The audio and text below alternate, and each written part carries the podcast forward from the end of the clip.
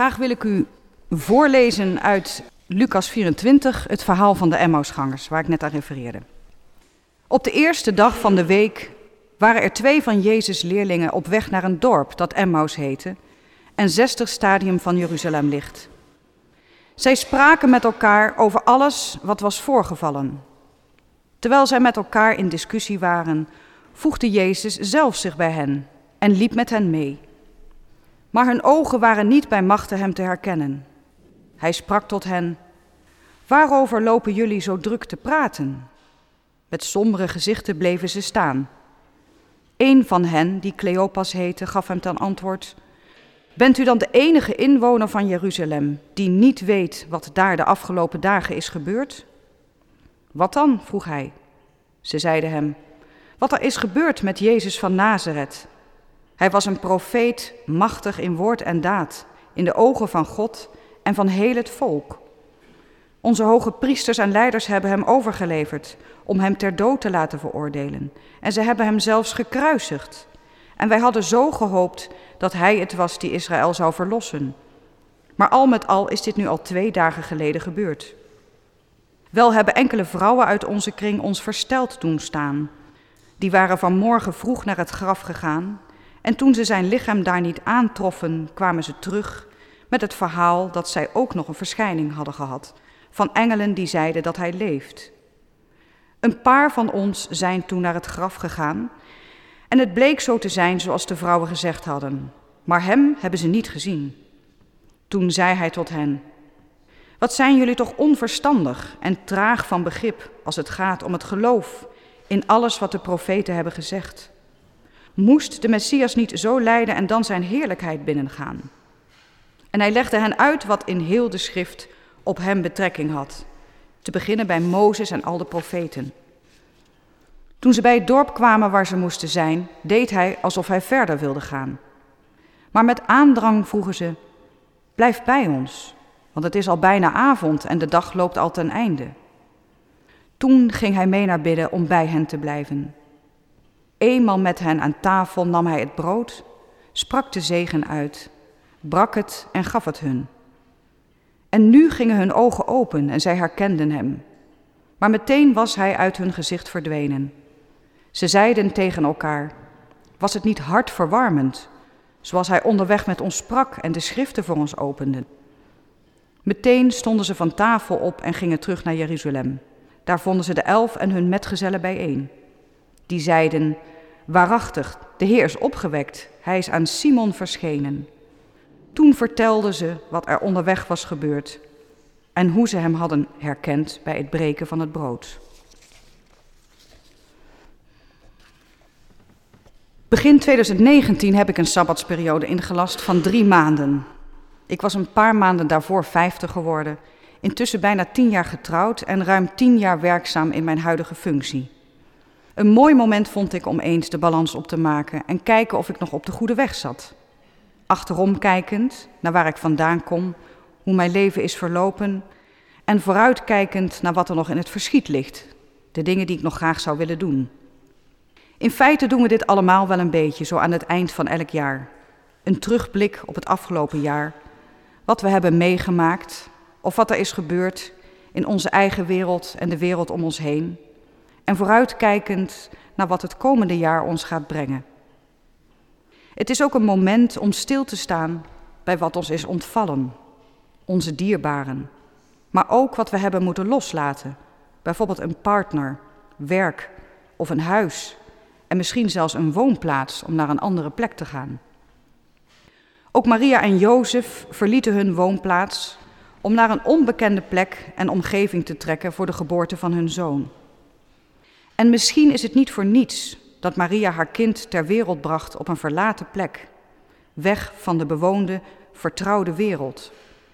Want de geboorte van Jezus bracht ons iets nieuws, een nieuw leven, een nieuwe weg die God met ons wilde gaan, voor wie het wilde horen en zien. En iets nieuws heeft het soms nodig om ook op een andere, nieuwe plek te ontstaan. We hoorden dit ook in het verhaal van de Emmausgangers.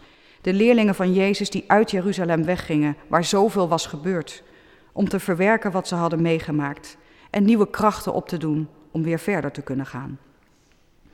Zo ook mijn keuze om even los te komen van mijn dagelijks leven dat zich in die tien jaar had gevormd en alles wat ik daarin had meegemaakt. Om dat wat van binnen al een tijdje om aandacht vroeg, maar in de verdrukking zat, ruimte te geven, daar waar het tot leven, misschien wel tot een nieuwe geboorte kon komen. Ik wist niet precies wat het was, maar daar hoopte ik achter te komen door een lange wandeling te gaan maken. Alleen, om los te laten, na te denken en open te staan voor nieuwe inzichten. Die wandeling werd het Pieterpad. In één maand heb ik dit hele pad gelopen, van het uiterste noorden van Nederland tot in het zuiden, op de Pietersberg. Ik volgde in die tijd een retraite die ook als doel had om inzicht te krijgen waar ik stond, waarom dingen niet goed gingen en hoe ik verder wilde. Die retraite was op basis van de oefeningen van Ignatius van Loyola, een Spaanse heilige uit de 16e eeuw en stichter van de Jezuïetenorde. Aan de hand van verschillende gebeds- en meditatieoefeningen en bijbehorende Bijbelteksten plaats je je leven voor God. En heel belangrijk hierbij is je eigen ervaring. Wat raakt jou? Welke woorden hebben voor jou een betekenis en welke is dat? Wat brengt je dichter bij God en wat juist verder weg? Daarnaast speelt ook het verlangen een belangrijke rol. Wat is je diepste verlangen en hoe maak je daar ruimte voor? Op het moment dat ik het Pieterpad liep, was ik net beland bij de laatste fase van de retraite. Die had als thema een nieuw leven begint. Een heel toepasselijk thema. En inderdaad sloten de teksten soms naadloos aan bij mijn ervaringen tijdens het wandelen. Dat begon meteen al met de meditatietekst op de eerste ochtend van mijn wandeling, uit de tweede brief aan de Corinthiërs. Als de tent die onze aardse woning is, wordt neergehaald, heeft God voor ons een gebouw gereed in de hemel, een onvergankelijk huis. Ook ik liet op dat moment mijn woning los, mijn hele leven liet ik even los, om me in vertrouwen te laten leiden door God op de weg die voor me lag. Het werd een hele bijzondere tocht, een echte pelgrimstocht, waarin ik veel kanten en facetten van het leven in mezelf en daarbuiten heb ervaren. Van het lichamelijke afzien en met niet veel anders bezig zijn dan of mijn voeten het zouden redden, mijn rug de zware last van de rugzak zou houden en of ik het überhaupt vol zou houden, tot de bijzondere ervaring die ik had, zomaar ineens tijdens een van mijn dagtochten. Terwijl ik op dat moment alleen maar bezig was met het zoeken naar een goede plek om even te pauzeren en om die zware rugzak af te kunnen doen, zag ik ineens een heel leuk klein tuinhuisje, waarboven stond koffie en thee voor de Pieterpadwandelaar. Aanvankelijk had ik er niet veel vertrouwen in dat daar iets te vinden was, want ik was al zoveel horecaplekken tegengekomen die dicht waren in deze tijd, het was februari en koud, dat ik ervan uitging dat dit ook wel dicht zou zijn. Maar nee, in het kleine houten huisje in een tuin stond een stoel, een tafeltje, een koffiezetapparaat, koffie en een mandje met lekkers.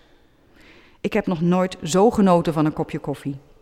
Wat was ik die mensen die dit hadden neergezet voor die Pieterpadwandelaar die ik op dat moment was, dankbaar. Na deze heerlijke stop besloot ik voor het eerst eens te gaan luisteren naar muziek via de radio op mijn mobiel. Ik zette die radio aan en er klonk een kantate van Bach. Ineens overviel me zo'n intens gevoel van geluk, dat me zo diep raakte, dat ik op dat moment wist, het is de muziek. De muziek is mijn diepste bron, van waaruit het leven omhoog borrelt. Het is de muziek waarin God het dichtst bij mij komt, maar ook waarin God door mij heen wil schijnen, stralen, naar mensen toe wil komen. Het licht scheen ineens in mijn door donker en zorgen omstraalde dagen en wees me de weg.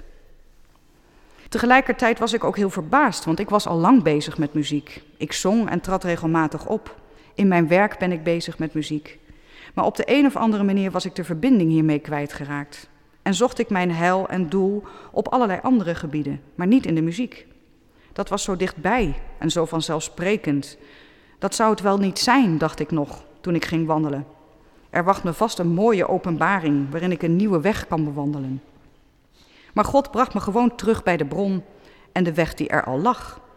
De muziek waarin ik zoveel talenten had gekregen.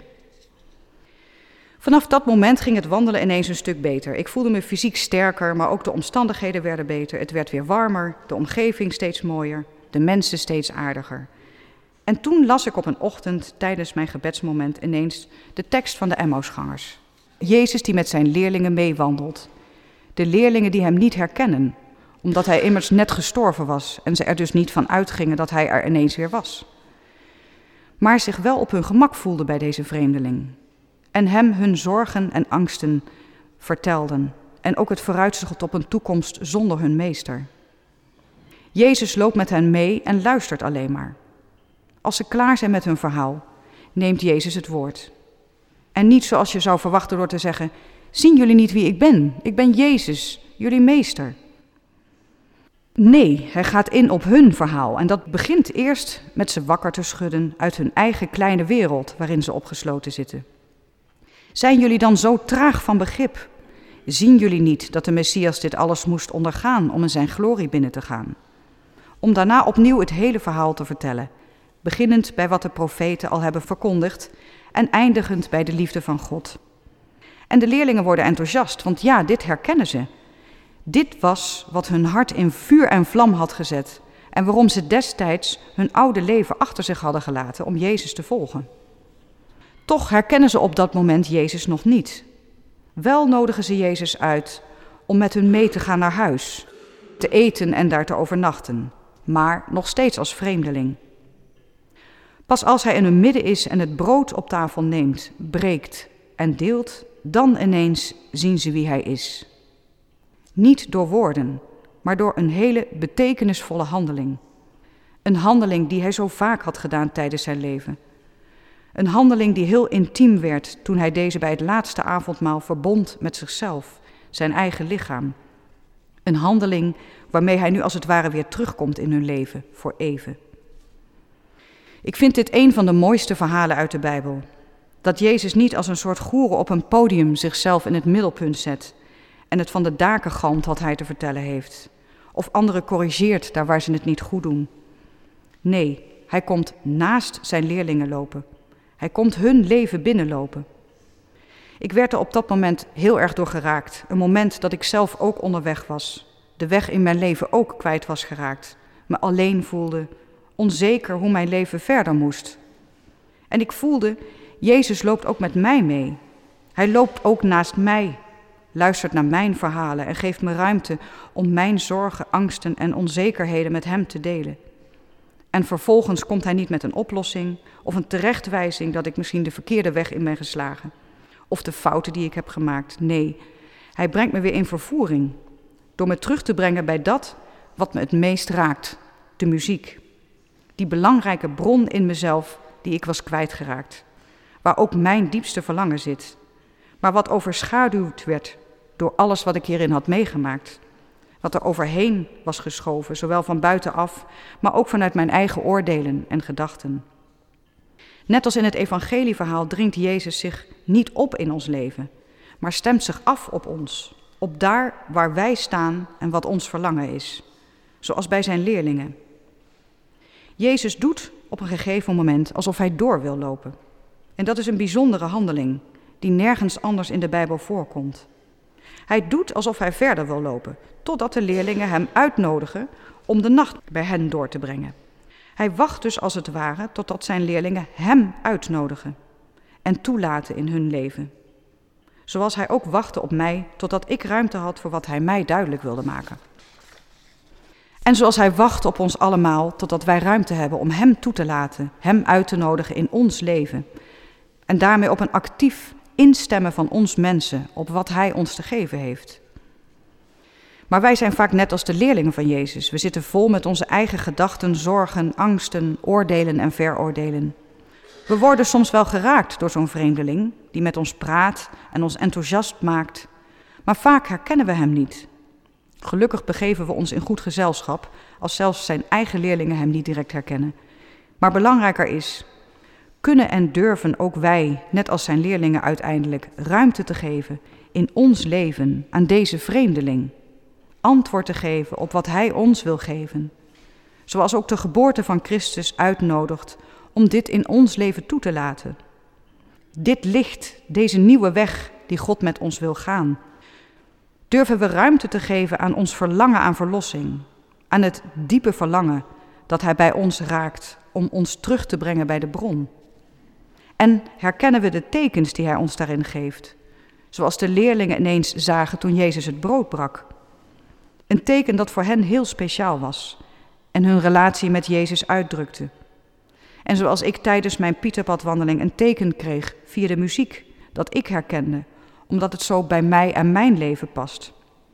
En zoals Jezus in ieder leven precies die tekens geeft die we begrijpen, herkennen en die ons misschien weer in vervoering brengen en terugbrengen bij dat waarvoor we eens gekozen hebben, net zoals zijn leerlingen.